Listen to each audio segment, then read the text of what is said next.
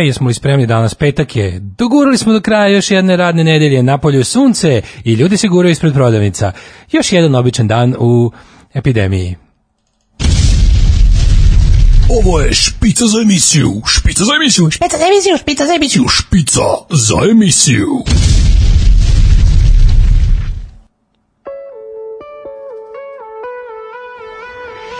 Yeah! Dobar dan, dobro jutro, dobro veče, iako se ne vidimo lako noć.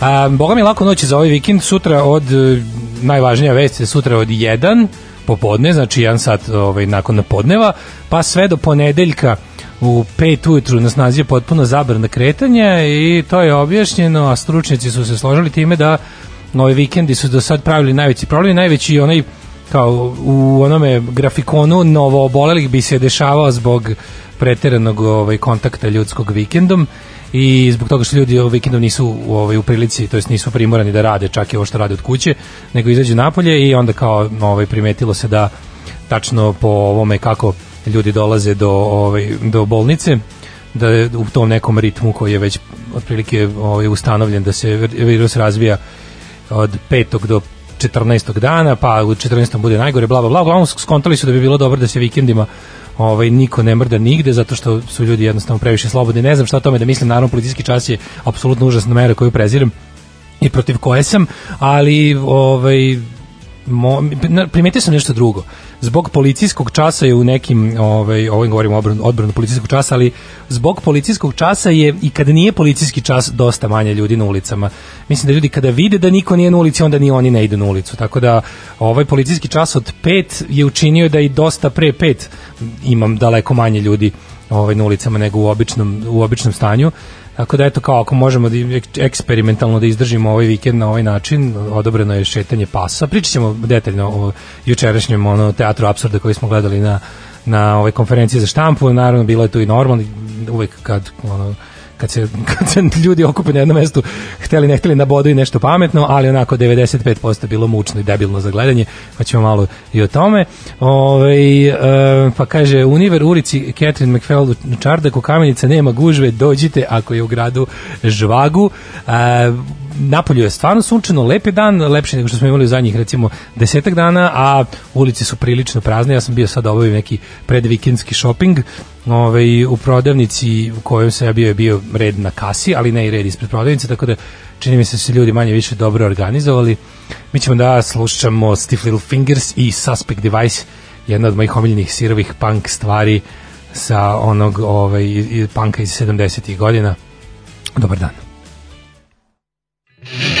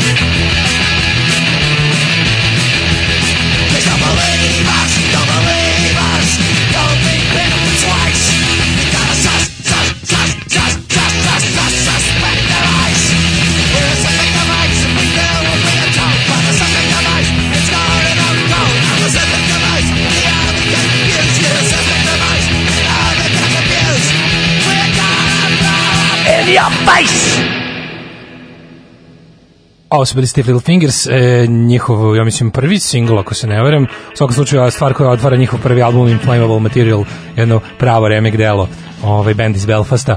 Pričao sam pre neki dan o punk sceni u Belfastu i uopšte o rock and roll sceni i u pop kulturi u Belfastu u vremenu kada je tamo bilo apsolutno najgore na svetu.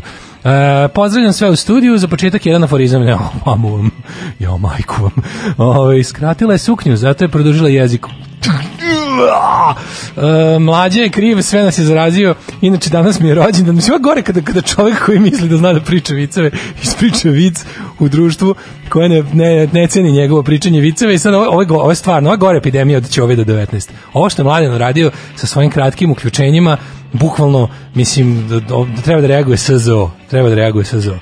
Kaže ovako, danas mi je rođendan, E, mada realno koga zabole za to evo bre molim te nemoj tako nemoj tako ovaj rođendan je ovaj jedna od onako stvari da se čovjek malo obraduje kad je ovako sumorna situacija tako da ti ceo raz da čestite rođendan možemo da ti otpevamo drugu strofu pesme danas nam je divan dan ali to će možda mladen kad se uključi, pošto njemu juče više nismo pevali.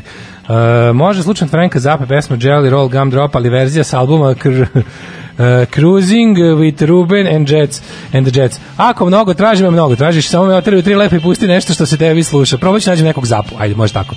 Ove, kaže, ne morate da pišite aforizme, dovoljno vas mrzimo i bez njih. A, kaže, aforizme od juče su vrh, s- e, svaka čast svim sektašima, pozdrav debeli, čekujem da danas mlađi iz Dominira, ipak je petak, dan za metak, da treba da vam da aforizam od kog će biti muka ceo vikend. Što je stvarno onako, mislim, ja verujem da on to može. Kaže, nemoj da se nerviraš, teško je, staloženo, ovaj budi i samo piši pamti. Ako ti je lakše čuje zdrav razum, što manje stresa, loše za imunitet, e, nismo mi koji mislimo da ne treba lagati i biti licemeran i pokvaren budale. Uh, slušao sam podcast od juče oduševljeno što si pustio Against Me sa početka karijere. Dobro, ajde, ti si pametno ponešto rekao. Ja, dešava se.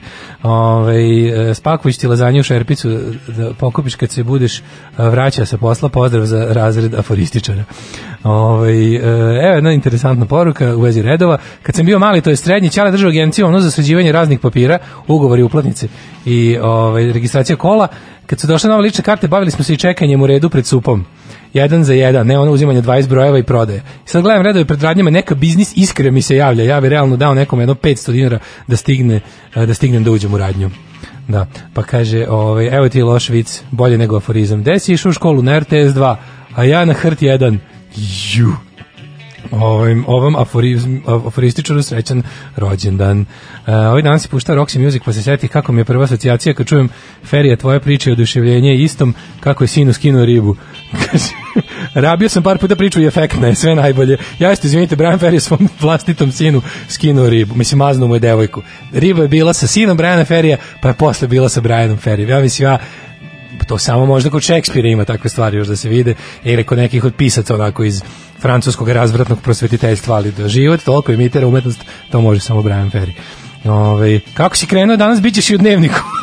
e da, danas me baš stvarno ime ovako, šta sam ja radio danas? Ja sam se probudio i onda prijatelji iz NDNVA s kojima sam trebao još juče da pravim ovu web emisiju koja je stvarno teški štap i kanap, ali je namera dobra i mislim da će ovako ovi prvi koraci i tehni, te, sticanje tehnološke pismenosti da e, zažive. I onda je bilo kao, ajde da, ne znam, Milica će da vodi, ti da se uključi, uključit ćemo novinarku iz Hrvatske, uključit ćemo Maju, novosađenku koja je trenutno u Skoplju nasukana i kao, ovaj, bit će to super, ajde da probamo. A ja imam onaj moj neki, ono, mislim, dobar je to laptop za gledanje Netflixa i filmova. Sad sam prvi put pokušao, ono, od kad su mi opucali stan, pa mi maznuli laptop, ovaj, ovaj što sam kupio od druga buce za sitne pare, stvarno, mislim, plati, dao sam ispod svake ono, razumne cene pare, tako da dobro da išta radi, ali se stvarno pokaza kao teška kanta za, ovaj, za, za ovakve stvari kao što je broadcast. I sada je još veći, snašli smo se, ok, bio je moment kad je Milici sve riknulo, pa sam ja jedan postao gost voditelj, valjda je bilo podnošljivo za gledanje, nadam se da smo to uspeli da izguramo do kraja, ovaj, nego je smešnije što danas u pet treba sa tom istom opremom, sve što razmišljam da probam možda čak i da ponesem jedan od ovih mikrofona doma da bi to zvučalo na nešto. Uglavnom treba da se uključimo isto, da, da gostujem putem Skype-a u, u, na novoj S u emisiji među nama zajedno sa mojom drugaricom Anđelkom Prpić i ne znam koji još treći gost nisam video, ali ovaj, bit će jedno Skype druženje, pa eto, možete, ako vam nije dosta mene, baš onako od jutra do mraka, možete da gledate i novu S od recimo, ja mislim, 5 časova. Ove, e, kaže, daj neki talkonek za trubi, može, to ćemo da pronađemo. Ove, mislite vi da žvalavi e, e, trlja sebi bradavice posle svake najave po oštrajanju mere, jel ga to uzbuđuje? Mislim da da. Da budem iskren, mislim da da. I najslađe mi je kada pokušava da se suzdrži da ovaj da ne pokaže koliko mu je drago. Pa kao ja ovo ne radim zato što sam sadista. Dobro, ako kažeš to još jednom možda ti poverujem, ali je teško. E, tako da mi je danas dan počeo dosta onako što bi Amir rekli a hectic. Kad čim sam se probudio bilo kao ajde nameštaj, ovo, pa onda vidimo pola sata pred uključenje da, da tu nešto ne velja, pa sam onda pa sam onda bio ono prinuđen da budem ovaj poznavalac hardvera i softvera uglavnom da to buđenje kompjutera koje ono kada kako je to stvarno nekako vidiš koji si ono miš u lavirintu kada kada se desi nešto što da treba nešto hitno da reaguješ negde da odeš nešto da uradiš kad si kad je tako neka vanredna situacija potpuno ono smešno, otprilike si ostao bez brašna, a ne bez ono priključka za mikrofon. Uh, sad ćemo da slušamo Heavens, to je jedan projekat Meta Skibe iz Alkaline Trio. Meta Skibe je inače pored Alkaline Trio u kom je apsolutni genijalac je poslednjih nekoliko godina angažovan kao pevač mega poznatih Blink-182 i to mu dobro isto ide. Znači, ne se baš mnogo primjera u istoriji rock and rolla da je jedan tako ogroman bend kao što je Blink 182 uspešno zamenio pevače i da su nastavili da budu jednako popularni, recimo da mogu se sjetim samo ACDC da je tako nešto uradio. Uh, a imaju oni smo vremeno jedan onako elektronsko ambientalno depeš modasti um, što bi se reklo EBM projekat koji se zove Heavens pre nekoliko godina izašao je jedan album, sa njega slušamo ovu pesmicu koja se zove Heather, a posle toga je James Dina Bradfielda.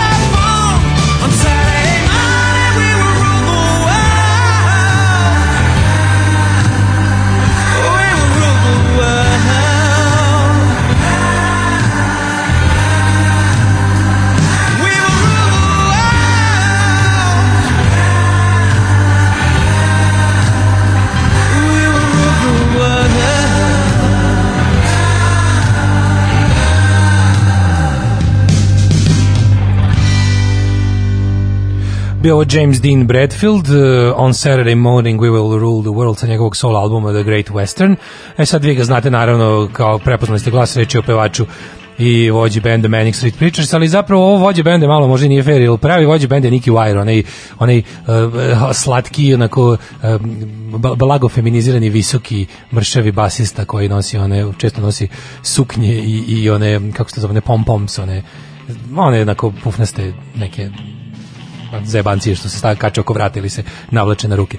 Uglavnom, ovaj, e, on je on je potpuni genij. On piše sve te pesme i, i uglavnom svu muziku toliko da čak i na ovom solo albumu James Dina Bradfielda koji je teo, ne znam uopšte zašto to nije bio album Manixa, kad po zvuku podsjeća na Manixe, mu je gomilu pesama napisao kolega iz benda, a ovaj ih je samo ovaj, onda izveo sam.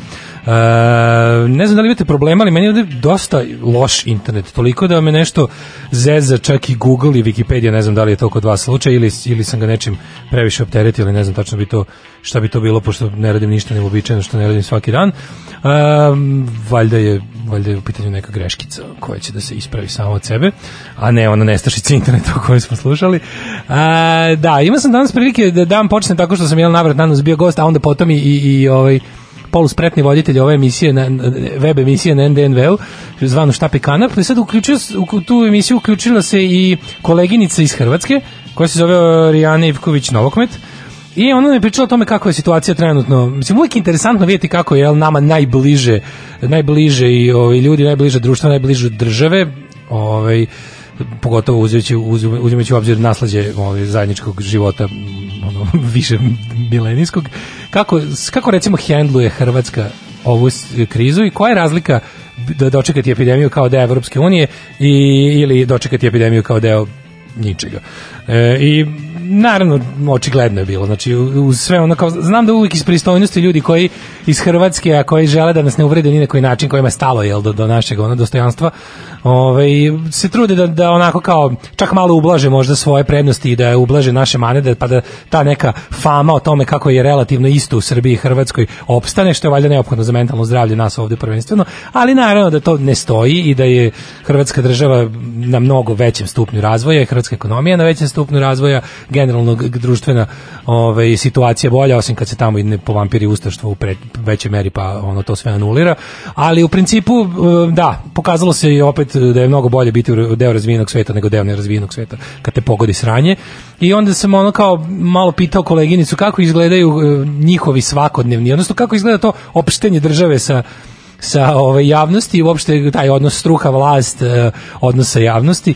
I da ono što smo i mislili je zaista tako. Mislim kad ti lepo kaže neko ko, kome je to struka i ko to tamo ovaj M mora hteo nekto vidi svaki dan M profesionalno prati, kaže lepo da da, tamo predsjednik Milanović koji je odma znači preuzivši a, svoju dužnost predsjedničku uradio neke užasno dobre i pametne ovaj poteze a, pokušao da poništi sve one gluposti koje je Kolinda napravila i u ovom protokolarnom a i u suštinskom delu i što je najlepše još više se vratio u svoje ustavne okvire što se kod nas verovatno nikad neće desiti. Naš predsjednik je ustavom obrisao dupe i nastavlja to da radi apsolutno svaki dan. I u skladu s tim se i ponaša znači jednostavno predstavlja ono što se kaže predstavlja simbol nacionalnog jedinstva u teškom momentu e, ne samo nacionalnog nego državnog jedinstva. Znači drugo ona je sama rekla a znam pouzdano da nije baš naklonjena vladajućoj partiji rekla je da nema zamirki na to kako se ovaj stvari hendluju šta više kada se dešava da novinari ili neki mislim i tamo su novinari različiti. Ne postoji nigde na svetu ono što postoji kod nas znači ne postoji hrvatski pandan inform, informeru jednostavno ne postoji hrvatski pandan Pinku ne postoji hrvatski pandan srpskom uh, telegrafu ili ili recimo nekakvim tim brzo ono nestajućim režimskim sajtovima i portalima koji služe za, za, za dnevnu političku upotrebu jednokratno manje više. Tako nešto je u velikoj meri nepostojeće u Hrvatskoj i onda i te konferencije za novinare koje održava ovaj, ti, njihov krizni štab ne izgledaju kao naše, odnosno fokusirane su na zdravstvenu situaciju, na organizacione pitanja i na jednostavno pravovremeno informisanje i kad treba umirivanje javnosti, da čak i kada recimo neki onako tabloidnije nastrojeni novinari kakvih ima i po raznim hrvatskim dnevnim listovima pokušaju da krenu tim putem jel ono dajte nam nešto bombastično ne bili smo mi malo boostovali naš e, naše klikove i naš tiraž. A koleginica kaže, a ja mogu da potvrdim koliko sam ja video, da, da zaista profesionalizam u većoj veri vlada i da, da kada čak i mediji krenu da luduju sa nekim, kada mediji sami ne znajući ili znajući, a, a sa, sa zadnjim namerama krenu da otprilike zahtevaju od vlade da malo više krši ljudska prava, neko pametan tamo sedi i kaže ne, to ne možemo dopustiti. Ne, nećemo objavljivati lične podatke ljudi koji su u izolaciji ili samoizolaciji. Ne, nećemo iz, e, objavljivati ni lične podatke niti adrese ljudi koji su čak se i ogrešili o mere, jer jednostavno država je ta koja će da se pozabavi time i nećemo da izazivamo nikakve niske emocije i da potičemo bilo kakvu vladavinu rulje. Uh, niti da podjarujemo ove niske strasti u narodu, pogotovo ne u ovakvom trenutku. Tako da imamo veliku razliku, uh, da ne govorimo o tome da se tamo predsjednik uopšte nije pravio da je ovaj jednostavno i virusolog i imunolog i infektolog i pulmolog i sve živo jednostavno uh, nije se pravio da poznaje svetsko tržište medicinske opreme i uređaja, nije se pravio da on lično nešto nabavlja. Znači jednostavno jedno onako uh, bavljenje svojim poslom u okvirima zakona i ustava Republike Hrvatske kod nas smo mogli da vidimo nešto sasvim drugo ja bih sad poslušao jednu pesmicu od uh, grupe Talko što neko tražio, pa ćemo da vidimo kako je to kod nas. Uh, manje više znate, ali evo da vidimo i najnoviji slučaj ovaj od juče.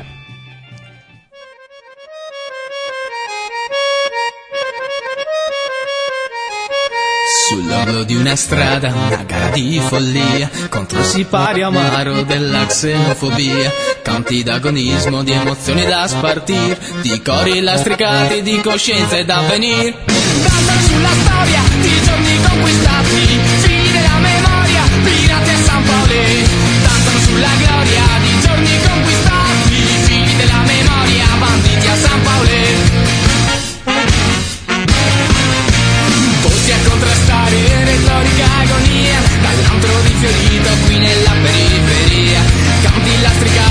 Coscienza e d'avvenir Nel baluardo dietro degli spalti a San Paolo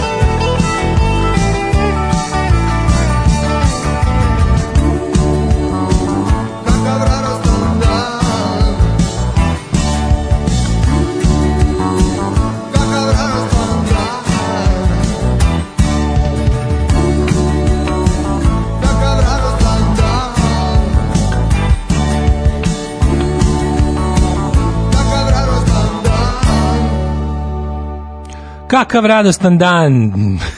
Kakva neadekvatna pesma, ali uvek lepo za čuti. Ove, ovo su bili idoli i radostan dan. Pre toga smo slušali Talko, ove vesele italijane. E, nekoliko puta su, boga mi, pohodili i ovde ove krajeve, a nastupali su, mislim da su jedan od većih koncerta sigurno, ako ne računamo to da su fanovi Sankt Pauli, kako su opevali u ovoj pesmi i na njihovom stadionu u radu viđeni gosti. Jedan od većih koncerta su sigurno imali i na našem gradskom trgu na jednom od onih ovaj proslava Dana pobede i Dana Evrope. Ehm, da, to su bili italijani Talko sa pesmicom o Sankt Pauliju. E, njih sam prvi put čuo u emisiji Nevici Ofseda i od tada ih obožavam, napred Sankt Pauli zauvek, to su poruke. E, sve si bio u pravu juče, eto danas na sva usta reportaže kako je KCV sve okej. E, da, sve sam bio u pravu, to je onako prilike kao kada vidim da će, vidim da počne da pada kiša i kažem, znate šta, za sat vremena će ulice biti mokre. To je taj stepen, ovaj, taj stepen ovaj, vidovitosti je potreban da bi se e, ovakve stvari u našoj zemlji predvidele i, i, i da se bude u pravu.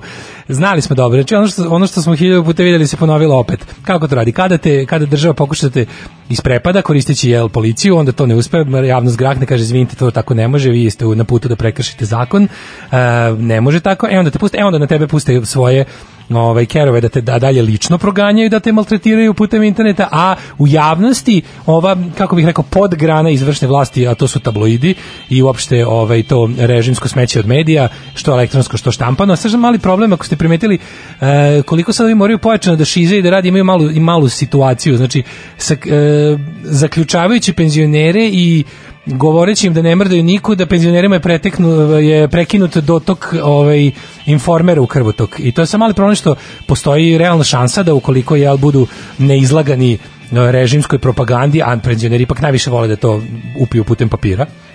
I sad, pošto nisu prilici da budu ovaj redovno ozračeni informerom i srpskim telegrafom i ostalim đubretom, sad je fora kako, kako održati penzionere u stanju u kojem ih najviše vlast voli. A to je znači večito zabrinute i večito spremne da poslušaju šta god im se kaže. Sad divna situacija tada postoji zaista zdravorazumski deo saveta vlasti, a to je da se moraju najviše oni pričuvati na taj taj način, a jedini način koji su za sada mislim čovečanstvo otkrilo je taj da se sedi kod kuće i da tako je najbolji način da jednostavno prekineš socijalnu vezu između sebe i virusa, tamo gde se nalazi.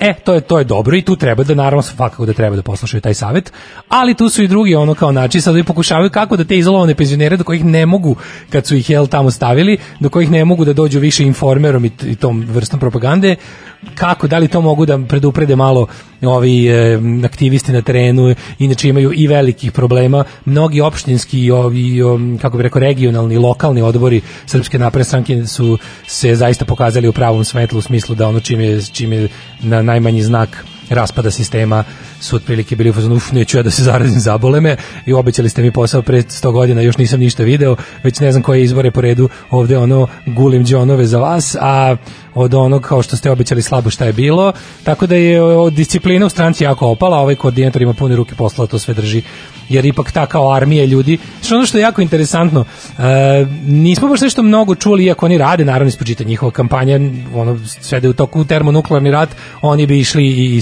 sakupljali sigurne glasove, to je apsolutno ono van svake sumnje. Ali interesantno je da dugo nismo naš, čuli čak ni iz usta predsjednika to tipa ono, kao da ono, st- stranačku hroniku za sve nas ostale koji nismo stranka. Malo je s time ovaj prikočio, sad da li zbog toga što se prizva u pameti i video da to možda nije u redu da radi u trenutku krize da razdvaja građane na, na stranku i ne stranku ili je jednostavno nema čime da se pohvali verujem da je kombinacija jednog i drugog, ali ne mogu da tvrdim sa sigurnošću. I juče je bila jedna od tih ovaj, konferencija za štampu koje su već ono stvarno, kako bih rekao, ko ovu dramu režira uz interesantno mi je kako ti njegovi savjetnici medijski uče dok rade i sad naravno on uči da on verovatno sluša to što oni njemu govori. Sad interesantno je koliko je to u svakom njegovom narednom nastupu prvo mi je interesantno što ne posluša glavni savjet. Mislim, pitanje je da li ga to i oni savjetuju, ako, o to mi kao javnost govorimo, da li, da li mu to prenesu i njegovi savjetnici je pitanje, ali mislim, glavni savjet bi mu bio, ovo sad kao govorim kao čovek recimo koji je dobio od Vučića milion evra da ga održi na vlasti, ja bih mu rekao ako manje, manje tebe, samo manje tebe. Ti treba da budeš, kad si već navikao ljude na to kao, ako hoćeš već da održiš tu neku omni prisutnost, ono sve prisutnost i, i taj, taj moment koji želiš da postaneš, pogotovo kod penzionera, to je da si ti kao neki neki etar koji ispunjava univerzum, apsolutno sve pore našeg društva i zavlačiš se bukvalno svugde kao voda, uvek nađeš put. Znaš, kao nekako bi trebalo da se preseliš upravo u taj mod, kao da si ti neki to kao neki duh koji lebdi nad svima, a da tu postoje ovaj, i, i ljudi ko, kroz koje ti progovaraš, kao gospod Bog koji ono deluje kroz, kroz, Mojsija ili ono ne znam koga već, ono, razne proroke. E, ali mali problem što su ti Mojsiji, Muhamedi i oni i Ješuje i, i Jezikilji krajnje nesposobni, pa jednostavno sistem koji su oni napravili ne može da funkcioniše preko tih ono proksija i on mora stalno da se pojavlja, ne bili sistem koji je stvorio održao i tu je sada jednostavno e, mali problem što ono on ne može da ne bude on. I videli smo juče na jučerašnjoj konferenciji za štampu e, za novinare kako on jednostavno potpuno on, krene, on zaista krene, on, on je on je poslušao, on je smirio se, ono kao brojao do 10, kre- ali već posle, znači čim, čim se stigne do prvog ili pitanja ili do prvog nečeg što jednostavno u govoru ga natera da da ovaj da pomisli na svoje suparnike, protivnike, da pomisli na ljude koji nisu on, njega to jednostavno razjeri. I ceo koncept smirnosti ode dođevalo. Kad bi recimo mogao da gledaš na odloženo, pa sad onim skipovima praviš, kad bi recimo pustio Vučića, pustiš ga prvih 15 sekundi, 20, 2-3 minuta, imamo situaciju, nabavili smo u Čačkoj situaciju ovakve respirator, onaj maska ova, ovaj lek, ovaj brojevi, krive, stručnjaci, postavljeni doktori slobodno mi ispravite ako smete i ostalo sve šta smo navikli, ali uglavnom onda kreće moment. U, lupam sad izmisliću, Valjevu je situacija i onda kreće pravi Vučić koji, koji bukvalno može, kad bi menjao, kad bi imao srednje ime, ime bi mu bilo Vučić Aleksandar da ne kažu neki Vučić, zato što meni je prosto neverovatno da za njega prosto nije moguće da se obrati na bilo koju temu i kaže ono što želi da kaže ali bukvalno da ne kaže ništa o drugim ljudima i da ne pomene ljude koji su njemu suprotstavljeni. To je prosto nemoguće. Znači, to je prosto nemoguće. Mislim da on to zaista ne može ni da navežba. Jer jednostavno, e, običan, obično, kažem, medicinsko kad mu je već zapalo, kad već hoće time da se bavi. Jedno tehničko medicinsko obraćanje javnosti ne može da prođe od, ne znam, u sučinu smo da ne bi neki rekli, pa nemoj tako čoveče, šta da ne bi, da kao radi stvari koje su ispravne, nemoj da radiš stvari da ne bi neko nešto rekao. Ili nemoj da radiš stvari zbog, znaš, to je potpuno jedan valjda mentalni sklop koji je koji je nepromenjiv i koji ne može da se promeni. Jeste ta stalna briga o tome kako ćeš izgledati prvenstveno očima svojih protivnika koji ti stalno eto rade u glavi, a ne vidiš da ono manje više stvarno možeš da se bar u tom smislu malo opustiš jer imaš tu neverovatnu sreću da si M dobro uzurpirao sve živo a s druge strane protivnici su ti krajnje nesposobni čak protivnici su ti ono bukvalno u stanju da promaše prazan gol na dva metra udaljenosti ovaj, gde golman otišao da popuši cigaretu, a oni imaju ono bukvalno prazan teren i prazan gol, znači u stanju su da promaše taj gol, veruj mi možeš da budeš miran s te strane. I onda ga gledaš, znaš, kao završava i to kreće sve veće i veće jare. Sve, znači, i ne mogu, na kraju uvek se sve završi nenormalnim hvalisanjem, nenormalnom pričom o tome šta sve drugi, kakvi su drugi, a kakav je on, odmeravanjem, pišanjem u dalj i ostalim stvarima. I onda kreće moment koji se zove pitanje novinara i onda stvar postaje bukvalno pandemo, ne pandemija, pandemonijum.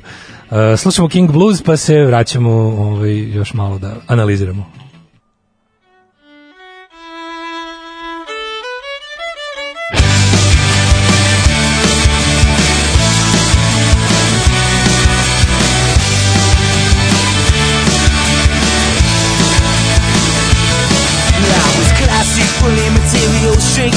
I was four for two with a three from Hagen.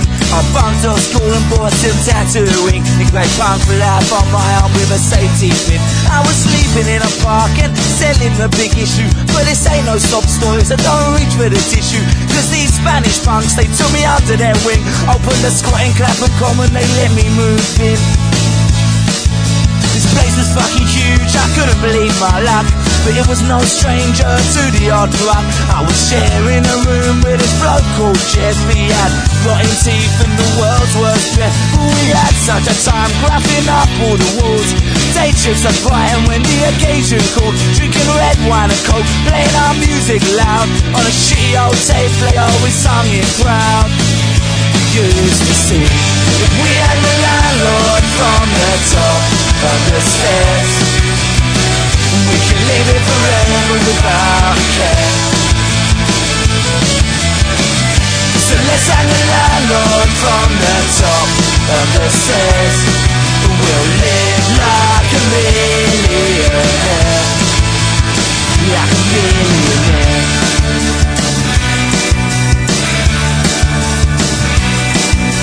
Mixed up for each other as a group, we were tight. All coppers are bastards, but we were alright. Painting our leather jackets, soaping up our hair. We look like aliens out of anywhere. If the tourists wanted a photo, we were in charge of a pound. When we had enough, we buy a bottle and pass it around. A bag of cheap glue, we both stick, fix and fix. And whatever we could find, got thrown into the mix we used to sing If we had the landlord from the top of the stairs We could live it forever without care So let's hang the landlord from the top of the stairs We'll live like a millionaire Like a millionaire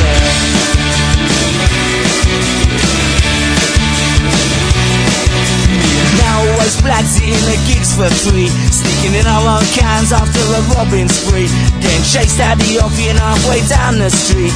Smiling at the girls we thought looked sweet And Pug used to give me all his hand-me-downs. He had a great big heart but done too much frown Sarah used to look out for me, make sure I was alright. When Alan and the bigger ones got in a fight we used to sing. If we had the landlord from the top of the stairs. We could live it forever without care. So let's have the landlord from the top of the stairs. We'll live like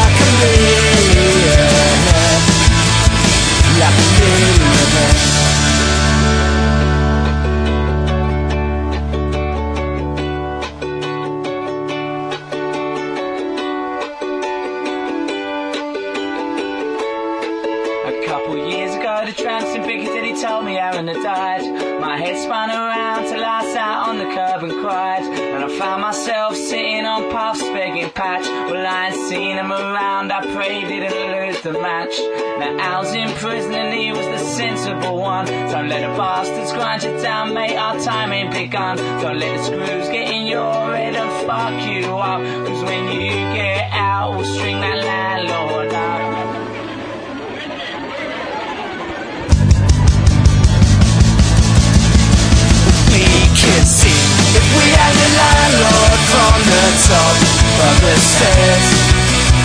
We could live it forever without care. So let's have the landlord from the top of the stairs. We'll live like a millionaire. If we had the landlord from the top of the stairs, we could live it forever without care. So let's have the landlord from the top of the stairs. We'll live like a millionaire, like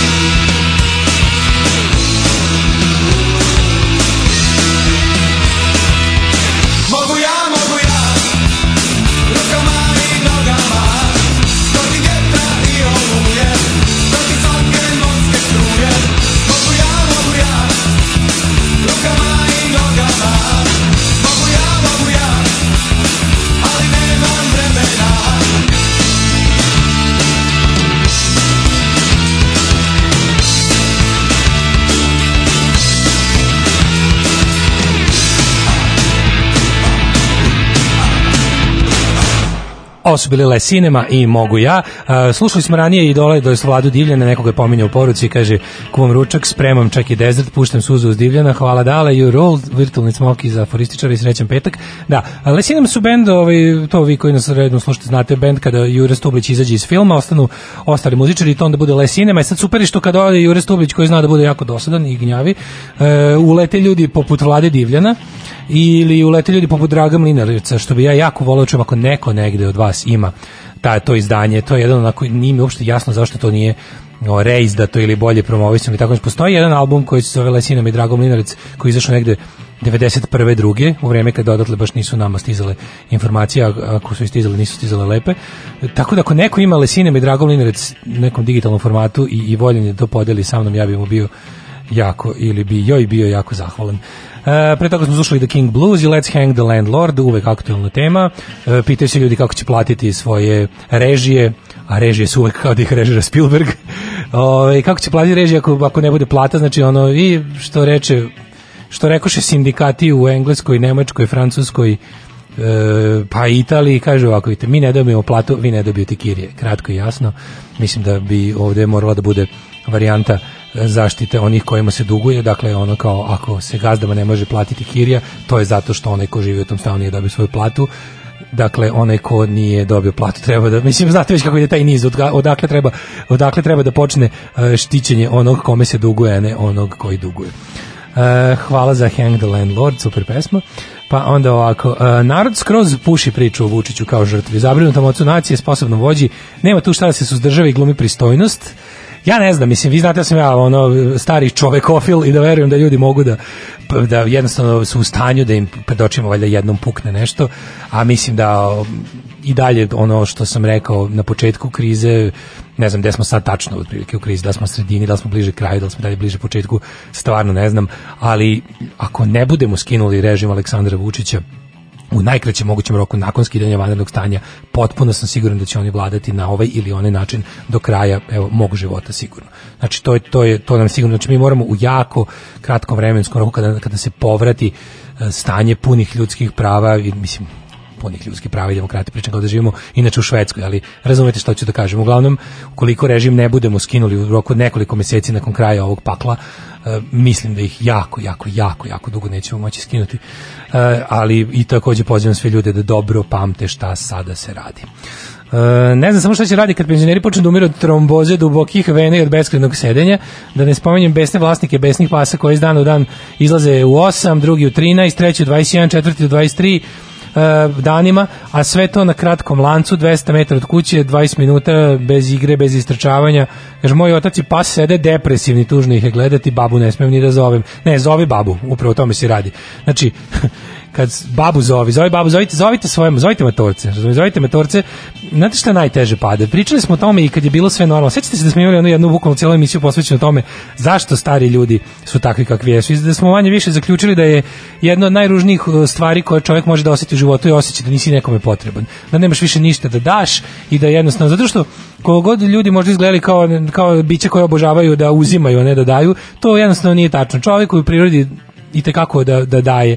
I taj socijalni moment kod ljudi je jako važan. I zaključili smo, sećate se sami da kod nas penzioneri u potpuno normalnim uslovima, su jednostavno skrajnuti, marginalizovani i da i sami nemamo strpljenja za njih i da jednostavno nemamo sluha za starost i da smo vrlo brzi da ih otpišemo kao nekakav teret i da ih proglasimo za, za džangrizove, zle, nesposobne da jel, ono, daju ljubav, šire ljubav, da nauče nešto novo. Tačno je i da se sposobnost da učiš novo smanjuje s godinama, ali pogotovo u ovakvim situacijama, znači osjećaj da su, da su jednostavno nemojte, nemojte da im dozvolite da misle da jedino Vučić brine o njima. Jer znamo da je on lažov i znamo da je on jedan ono apsolutni folirant.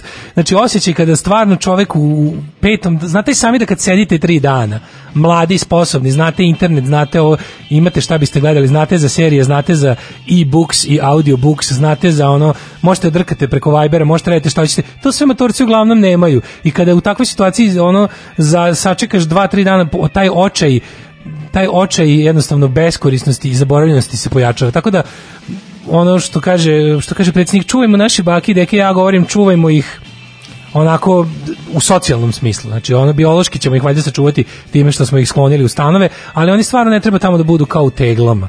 I eto, ovaj, ako nešto pa setite se, znaš, nazovite čisto bilo šta, pitajte za nešto. Čak i ako znate kako se prave palačinke, nazovite mamu ili babu da vas podsjeti kako se prave najbolje palačinke na svetu, zato što oni to tako znaju i jednostavno ono, uradite to zbog njih.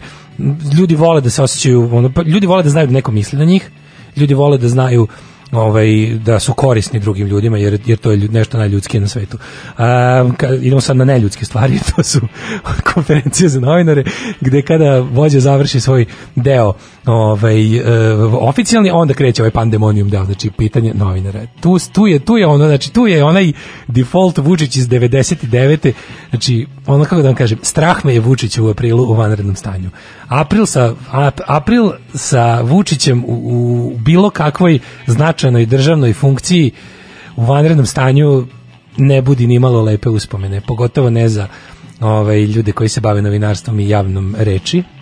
Tako da je ovaj, taj pandemonijum koji nastaje nakon oficijalnog dela KZN je stvarno to, to je bukvalno da ja mislim u fazonu kao ovo ću izdržati do kraja zato što je ovo, ovo, kao, ovo je drill, ovo je vežba, ili ćemo kao naš, na tvrdom mestu postojati, a svakih pet minuta kažem ne, ne mogu više, zašto ja ovo radim, ne mogu da gledam, derem se, razgovaram s njim, ono kao potpuno budala, razmišljam kao kako bi bilo super da ima, možda bi bilo nekom interesantno da me uključe na nekakvu kameru pa da gledaju mene kako pričam s televizorom, zato što su to stvarno onako ozbiljni, ovaj, bude svega, bude od ono čast, od čašćenja najgoreg ovaj, dragog predsjednika do ono kao do po, mojih pokušaja da mu nešto objasnim zaboraviš pritom da je komunikacija jednosmerna. Bar još uvek, nadam se da se posmatraju kroz televizore, kao u 84. I, ovaj, ali moment kada, kada, moment kada sav gadiluk koji ne može sama partija i vođe da izvedu, onda se koriste ovi ljudski rekviziti poznatiji kao uh, radnici, ovi, pa neću kažem novinari, ali nemam drugu reč, ovi što prave tabloide mislim proizvođači tabloida da ih tako nazovem. Ovaj gde to bude situacija kao, e, sve što nismo slučajno, slučajno stigli da ispadnemo kreteni, neviđeni, bezosećeni, odvratni, sad će nam pomoći i onda se javi ono kreten broj 1 Spinka koji je u fazonu, znači ono bukvalno, znači ljudi imaju govorne mane, se bukvalno gleda kako čovjek ima misaonu manu. Čovjek stvarno ima ono, pita se da li je ovo lo- logical fallacy jer ne zna ili je namerno pravi. To je onaj moment kada za neke ljude, recimo kojih se sećaš iz nekih drugih ovaj priča iz drugih filmova, iz drugih okolnosti, iz, iz drugog svega na svaki način, tipa one palavestre neke. Kao vidiš kao ljudi koji su nekada imali hrabrosti da da budu da budu ono kao jednostavno kako bih rekao, ne hrabrost da budu nego hrabrost da budu kritički, da kritički misle, hrabrost da ne, ne žive u dupetu sistema. Danas ih gledaš kako su bukvalno stanovnici najdubljeg dela rektuma, I onda gledaš to i onda gledaš ove ostale koji su kao mlađi, pa mislim, pa tačno vidiš ulogu kako su ti likovi po tabloidima podeljeni, tipa ovim, ova pešadija poput Barbare i tih nekih ono tako crva, o, bukvalno najnižeg nivoa parazitskih koji koji treba ono bukvalno nemaju ni pitanje nego predsjedniče, zaista zašto vi tako super? Kako ste tako dobri ako znamo da opozicija samo želi da ubije babe i dede, da Đilas i Šolak imaju ono svoje medije koji apsolutno ispiraju mozak građanima i može li uopšte u ovoj zemlji jedan e, medij naklonjen režimu slobodno da radi predsjedniče, dokle će nam biti ovako teško? Zašto nije moguće? Mislim, može li režim, režimski mediji u ovoj zemlji da rade slobodno posao, a da ih Đilasovi i Šolakovi mediji ne maltretiraju? I onda kao priča o tome kako ugledni moćni, svima dostupni Nova S portal je oblatio KCV, a sada pravi mediji kao što su Pink i Srpski telegraf ne mogu da donesu pravu istinu, a to je da je klinički centar Vojvodine jedna ono klinika bukvalno ono Chicago Hope ukršten sa klinikom Schwarzwald i nekom bolnicom iz 23. i po veka. I onda kao cela ta priča kao da ne bi predsjednik sam jel ovaj više gazio po privedenoj novinarki nastaviće to ovaj tabloidaši. I onda kad se to završi da sledeće pitanje gde Gordana Uzelac sa Pinka prevazilazi samu sebe svaki put. Ja se pitam ima li uopšte kraja? Može li postoji li kraj te igrice? I onda juče je bilo toliko neprijatno da to nije nije bilo pitanje kao hvalospev upućen Vučiću gde u jednom trenutku Uh, Vučić iskoči rekao tipa dobro bre Gordana majko mu pa ne možeš ti hvaliti mene više od mene ne možeš ti voliti mene više od mene.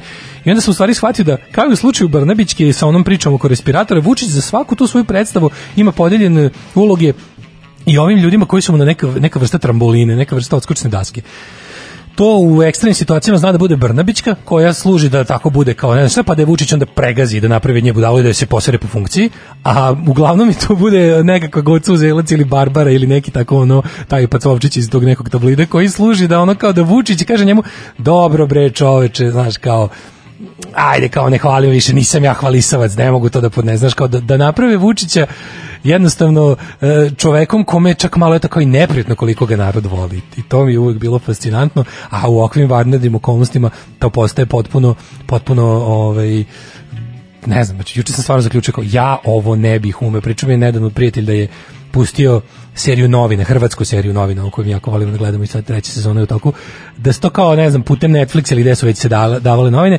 je neko u Skandinaviji, kao dobre serije, ali kao malo ima taj kao satirična je dosta. I ovi su svi kao bili kako crna satira, ono kao ovo je baš nije satir, nema ništa satirično, ovo je baš kao ono rukovodili smo se onim kao američkim serijama poput ovih što sam vam pričao ovaj, o Davidu Simonu, kao to, to sam teo da mi budu uzori, znači nije malo satirično, nego kao, kao da, ali kao ne postoji nigde kao tak, to baš kao takav sistem da to može, kao tako pritom pričaju o zemlji koja je ono bar duplo bolja od, od, od Srbije. Tako da kada sam ono, ako recimo nekom iz Skandinavije teško da pojmi da su da je serija kao što su novine koje se bavi jel kao spregom ono biznisa, kriminala i politike u Hrvatskoj, kako bi ja nekom prepričao šta se tačno sve desilo na konferenciji za novinare u vreme najveće epidemije koja je pogodila svet. Ovaj ikada, koliko ja znam, mislim savremeni svet nije najveća po nije najveća po žrtvama na svu sreću, nego, nego ovako po, uticaju na društvo.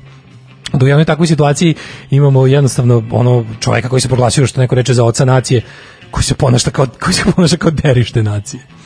Slušamo Jesus and Mary Chain.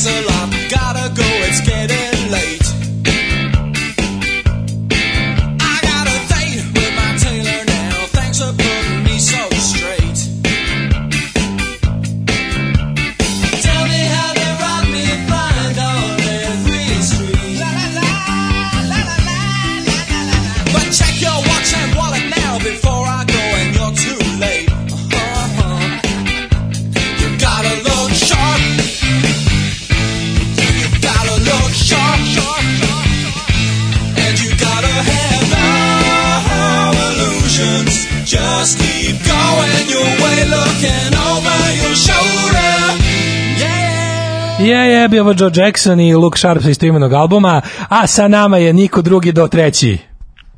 E, dobar dan svima, srdečan pozdrav iz studija 1, klozetske jedinice po familiji Urdarević. Studio Kako 1, ste? tako zvani. Pa, boga mi, malo je ojeban, pošto otpade pločice. Ali, dobro, dobro. Je se prave radi? planovi za detaljnu posle nakon što izađete iz karantine, se prave planovi za uh, fumigaciju, deratizaciju, da odete jedno svi tri dana da ne vidite stan. Da, Kako da, da ne? Pa ne, ovaj, pa verovatno ćemo otići na, ovaj, svi zajedno oko tebe na tvoju ku, u tvoju Može, kuću ili može, vikendicu. može, apsolutno. Može, imaš nekoliko nekretnina na Fruškoj gori, pa sam ja mislio da recimo odemo, možemo, po- ako se slažeš, evo, vidi, slušaj kako zvuči kada, kada dete poludi i želi baš u tom trenutku da uđe u, u kupatilo. A, recimo, recimo da ne može, recimo da tata ima da izbaci nešto jako veliko iz sebe. Pa reći ću da je u To bi, toku to bi, to bi svako dete jednostavno odvratilo od ove... Re- Reći ću da je u toku bombardovanja i da ne može. Ove, ako se slažeš, mogli bi zajedno otići recimo do Hopova, ja nisam bio. Da li je to slano ili je slatko Hopovo? To je slatko hopovo, kaspijsko hopovo, tako slatko je pa tamo da odemo. Kaspijsko novo hopovo, neko najnovije, najnovije, od svih hopova koje postoje. Kaži ti meni kurati monstrame, šta se s tobom zbiva? Mene nema, ti si na svim medijima. Eksplodirala je poznatošć. Pa Eksplodirala je... šta to, kaži mi Ne ono, znam, ćeš biti, čuo sam da si već bio na televiziji, da se spremaš da ideš na novu. Potpuno, a, S, vidi, vidi, u, u sistemu... za vas XS, ili to zove sa najmanjim Da, ili šta? da, da, to je kanal, znači otključen je sada konačno, specijalni, znači e, ova SBB je otključala kanale, da, zove se znači XS Monsters i ja ću tu da da se pokazujem u svoj svojoj slavi i veličini. U gaćama, što biste rekli bez gaća. obećavam, obećao sam svima da ću danas da ću da uradim ono što su uvek želi, to je da gostujem na jednoj velikoj televiziji sedeći u gaćama, jer kadar ne obuhvata i gaće. Tako da ću To je govorit ću da odlično. se lepo obučem. Hoćeš gore staviti patku? Ne, ne, lepo, govorit ću lepo, ali će ljudi znati da ja sve vreme češem jaja, to je jako važno. E, to je bitno, to je bitno. Mislim, mora se osjećati taj landar pišore moment. Da, tako da ovaj drugaricu Anđelku, bićemo Anđelka i ja, ovaj Anđelka Prpić. Tako da Stvarno? da upozorio sam je da zna da da da će da, da to je da teški bezobrazluk se sprema. E, odlično, to je jako važno, jako mi je drago, puno ćeš je pozdraviti, a ovi, kako se zove, ja moram da ti kažem da nakon jučerašnjeg, ju, jučerašnjeg ukazanja vođe, ovi, Je ja? Pa malo mi je lakše jer ovaj, vidim kuda sve ovo i vodi, a druga stvar, ovaj, kako se zove, e, ja e, nakon novih, nakon što sam saznao da su na, ovaj, nastali novi, ovaj, za nove zabrane, odnosno da više po dvoje ljudi, više od dvoje neće moći da se okuplja, meni je laknulo da znam da će Vlada i Bajka i ovaj, nama dragi I dalje moći da jes. Kina i Severna Koreja moći i Dragan moći zajedno da stupaju. To je prvo što me raduje. Druga stvar raduje me i što recimo Jarboli neće moći da sviraju. To sam ja razmišljao, znači ovo je vreme pogodno za duete. Ovo je vreme dueta. Znači duo Pa, kao muzička forma doživeće prosto renesansu. Jeste, jeste, duo pegla. Recimo, ja bih voleo, ako može da se ponovo vrati, vrati onaj dvojac koji je svirao čuvenu pesmu i voz i vlak i drug do druga čovek neka čovjek bude. Evo, ne znam da li si primetio razliku u zvuku, mislim da su od ovog momenta počeli da nas prisluškuju, tako da ovaj, različito se čuje, počelo nešto da krči, ovaj, tako da molim te da paziš sada šta govoriš. Ovo je prisluškivanje, sad je Da, krenulo da, prisluškivanje. pazi, molim te da paziš šta govoriš sada, odnosno budi, budi, budi vulgaran više nego inače, pička i materina. Ne, ne, sad je vreme, je vreme za aforizam. Da im Tako je, tako je. Evo sada ovom Ja, nesreć, nesrećniku koji je zadužen da sluša ove gluposti će sada da bude znatno gore. Mladen ispali, pazi, imene umu da je vikend i da ljudi treba dva dana da ih peče tvoj aforizam. Pa vidi, ovo je više kao moje razmišljanje, ali je aforistično. moj. Jako je aforistično. Jo, ajde. Slušaj ovako, evo za vikend da vas baš boli, da vas peče do ponedeljka. Pazi ovako. Tu se tu gudu po po pam. Zatvaraju se kladionice i frizerski saloni. A kladio sam se u šišanju da neće. Pus. Čekaju se još poslednji rezultati testiranja na koronu. Ja, odličan je bio. Nadam se da je ovaj ne, da, da sad neko dobije upalo uveta u VTK ili gdje se to već radi. ja sam, da, drago mi je da neko u VTK bilo neprijatno. eto. I meni je isto drago. Ćelavi sa tavana što nas prisluškuješ, nadam se da te peku uši. A i sve vas ostale. Ovaj, mladene, imaš nešto pametno da kažeš za danas ili da sklonim ovaj eh, pakao od Pa mikrofona? nema ništa, hoću da kažem osam, ovaj, budite svoji, delujte iz sebe i nemojte praviti, ovaj, um, nemojte praviti revival duo bendova sranje. Nemojte, nemojte, znači, na, ostanite bolje, bolje solo muzičar sam sa akustarom nego dvojica. Ne, bolje ništa. Bolje niko u stvari. Bolje ne dirajte gitaru. A treće, još jedna lepa vest za kraj. Ako sve bude okej, jel tako, znači još sledeće nedelje ja soliram, a onda ćemo do one nedelje da se vratimo, jel tako? To, to, da, da, vidjet ćemo, vrlo je moguće. Ajde da vidimo kako stvari budu kretuli, kako se budu razvijele, pa se, pa ćemo, ovaj, pa ćemo lako sve pretumbati. Sad kažu da su ove naredne dve nedelje najkriznije. Pa kriznije su oni koji su se već ispozaražavali, a mi smo bili u da teglom. posle toga kreće, posle kiše uvijek dođe sunce, kao što je rekao Don't Forget Me, ove, tako da o, ja se nadam da će ovo sve proći brzo i da ćemo se mi vrlo uskoro ove, vidjeti ono što se kaže u kompletu, znači duo pegla. nastavlja Duo pegla se svoje- Tako je, tako je. Tako Eto, ja ću dotle biti poznat. Pozdravljam i ljubim te tamo gde sunce ne sija i budi mi lepi kurac danas na televiziji, ja ću da te gledam. Možda se čak A, bude i videlo, hvala. E, pa ajdemo, mislim, šta god vidite. Ja sam znao, ja znam da ti tebe zovu mali od skandala. Pa naravno, a i vrlo mali od skandala. pa mali od skandala, tvoj, tvoj nadimak. Ove, kako se zove, ove, ja se nadam da će ga opravdati. Hoću. Eto, bio je to Mladen, hvala ti Mladene. Ove, e, mi sada slušamo Living Andy. Order of the day.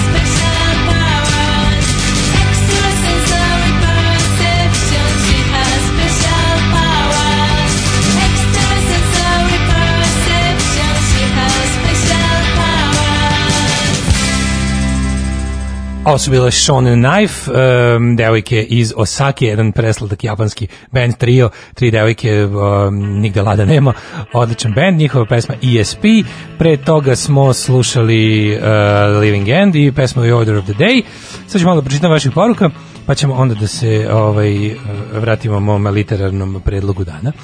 Uh, to jest da počnemo to. Danas 305 novih slučajeva. Kaže Pantele, još tri ovakva dana i sistem puca, to je Brnabićka dakle rekla.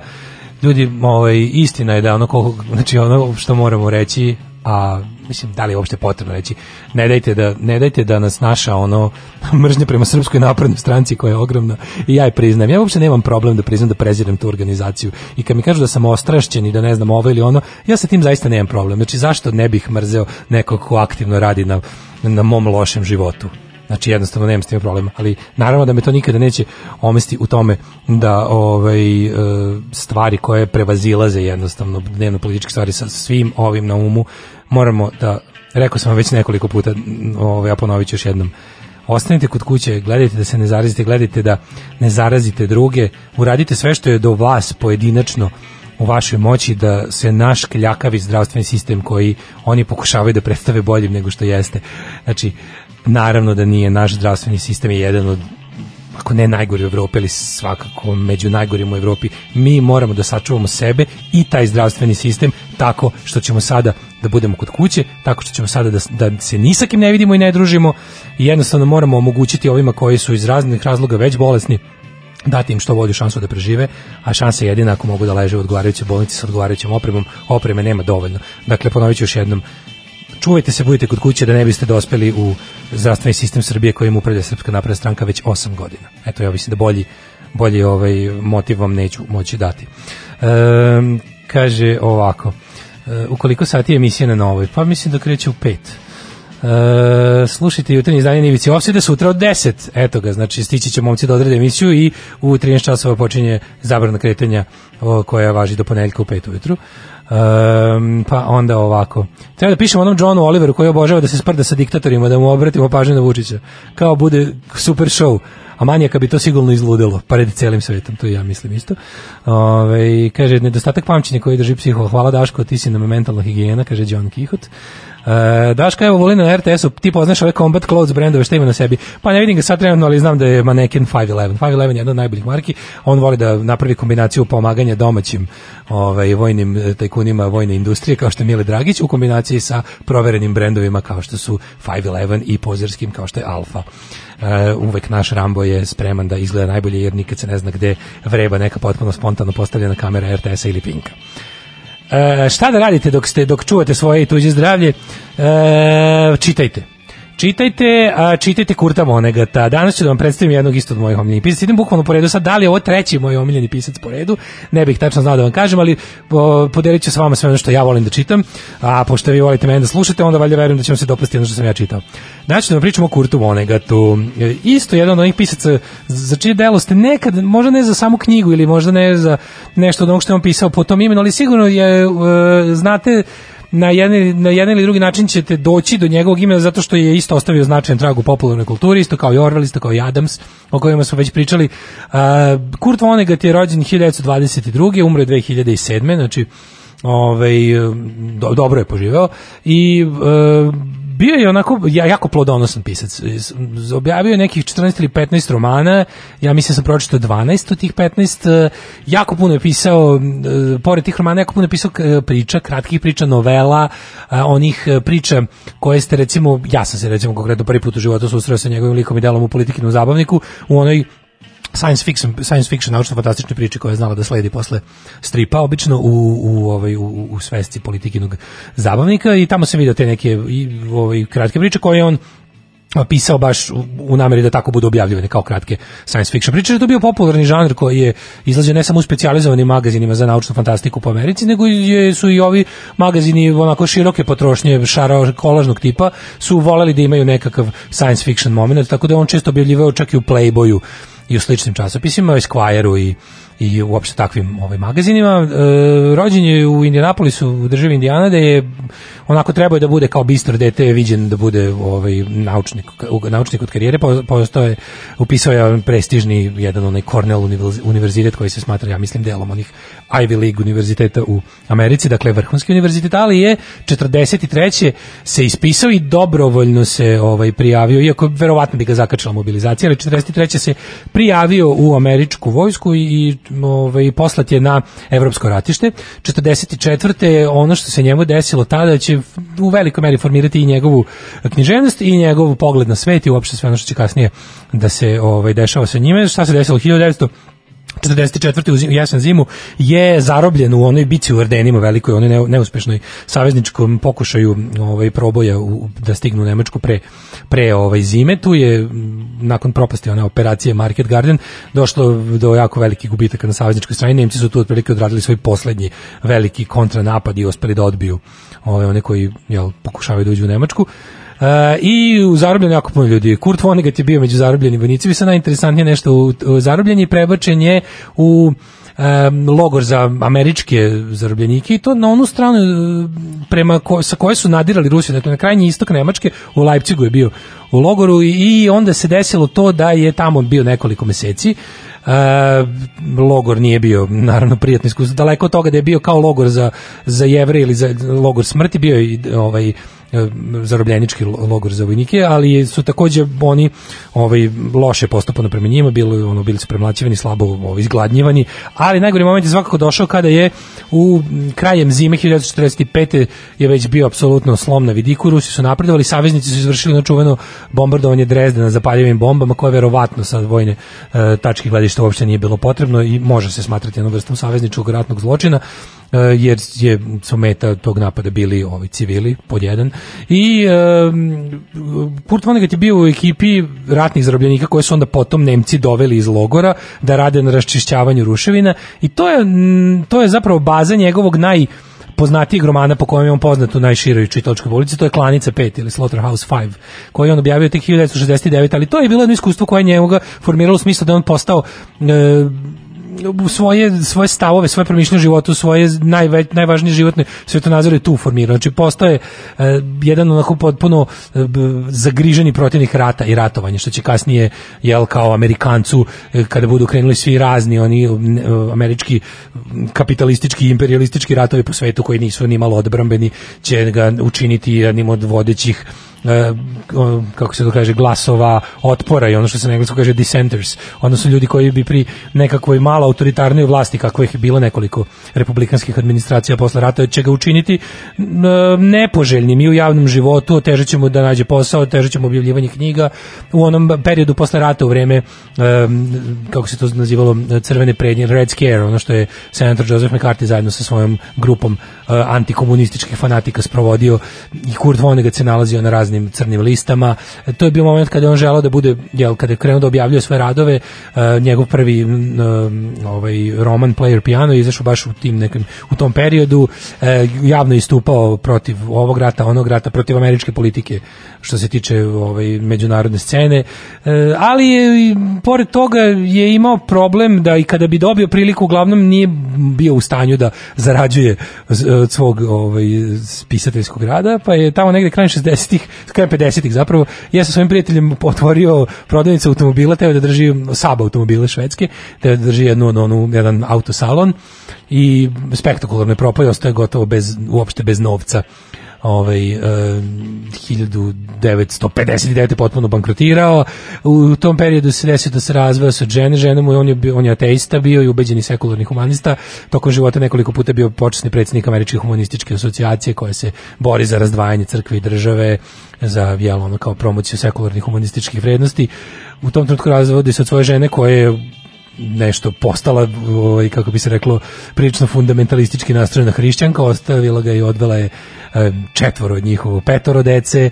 E, onda je objavio taj roman koji u prvom, Klanica 5 nije doživjela uspeh odmah na početku, kasnije jeste, e, konačno je negde tamo od e, 60-ih i pojave one hipijevske kontrakulture i subkulture e, počinje veće interesovanje za njegov rad, odnosno mlađa generacija je počela da otkriva e, Kurta Vonnegata kao pisca koji govori njima, kao pisca koji se kroz razne naučno-fantastične, satirične ovaj, načine zapravo govori o, o stanju društva. Glavna tema e, Vonnegatovog pisanja je uvek jedino bilo opisivanje e, ljudskog društva, pogotovo američkog društva iz, iz, iz te perspektive je i pisao, ovaj, ali je za to koristio krajnje fantastične i neverovatne ovaj, načine.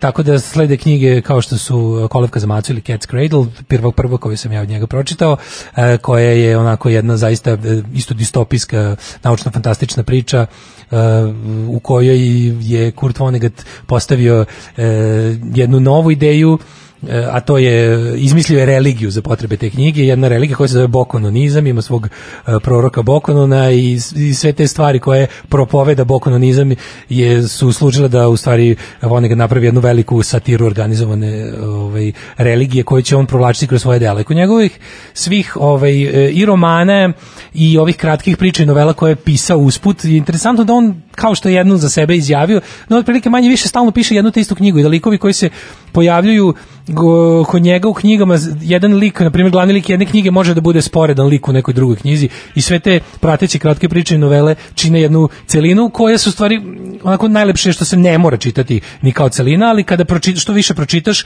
to shvataš da to jeste jedna celina. Kažem, funkcionišu i kao fragmenti, ali je super kada se kada se u mogućnosti da uviđaš veze između njegovih dela i to je kod njega jako interesantno. Teme kojima se bavio kasnije su, kažem, bile sve vezane za za ovaj e, nepravde u društvu. Moj omiljeni njegov roman je Zatvorska ptičica Jailbird, gde on kroz jednu isto koristeći se motivima putovanja kroz vreme i, i, i raznih tih nekih teorija alternativnih i, i, i ovaj paralelnih svemira ispriča jednu prilično moćnu i, i u isto vreme prilično tačnu ovaj, istoriju američkog radničkog pokreta, e, sve o onim socijalistima, sindikalistima, o borbi protiv onog divljačkog e, industrijskog kapitalizma na početku 20. veka, a sve opet potpuno fenomenalno uklopljeno u priču o nekakvim paralelnim svemirima i putovanjima kroz vreme i čudnim s- ovaj e, koincidencijama koje dovode do toga da svet ispadne ovakav ili onakav.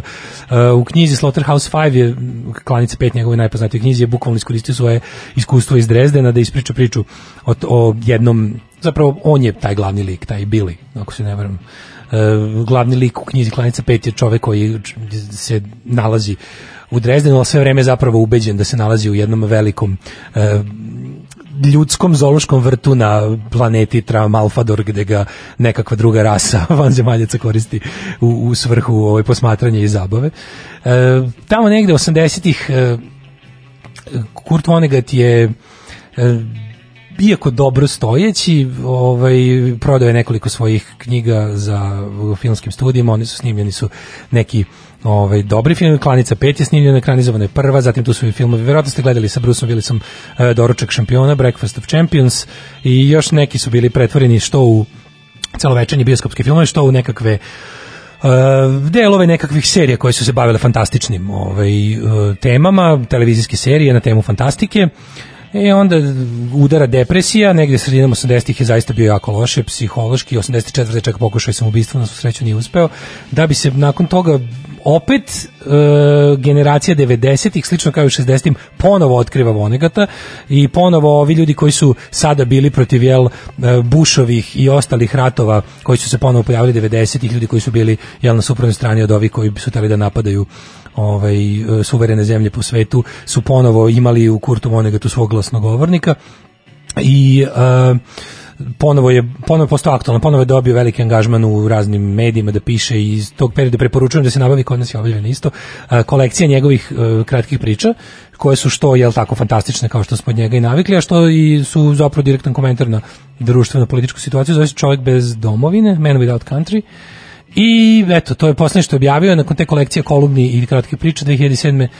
nas je napustio, preporučujem bukvalno od njega pročitajte sve, jer način na koji on ispriča priče o našem sadašnjem društvu, koristeći izmišljena društva i izmišljene situacije u društvu. Od društva u kom, na primjer, nije dozvoljeno biti previ, mnogo pametniji od nacionalnog proseka, ne znam, mnogo jači od nacionalnog proseka, do društva u kom je ono kao sve zaleđeno, zato što je na, naučnicima iz iz laboratorije pobegao uzorak super leda koji se jednostavno širi gde god ima vode na planeti Zemlji.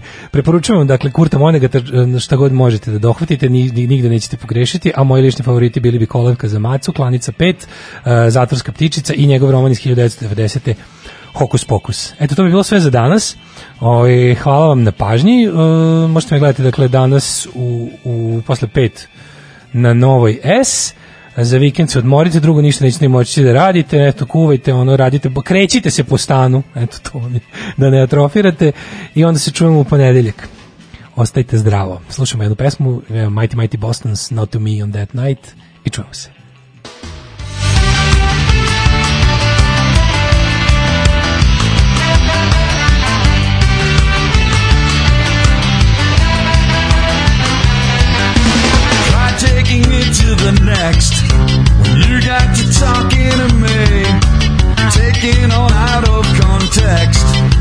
did I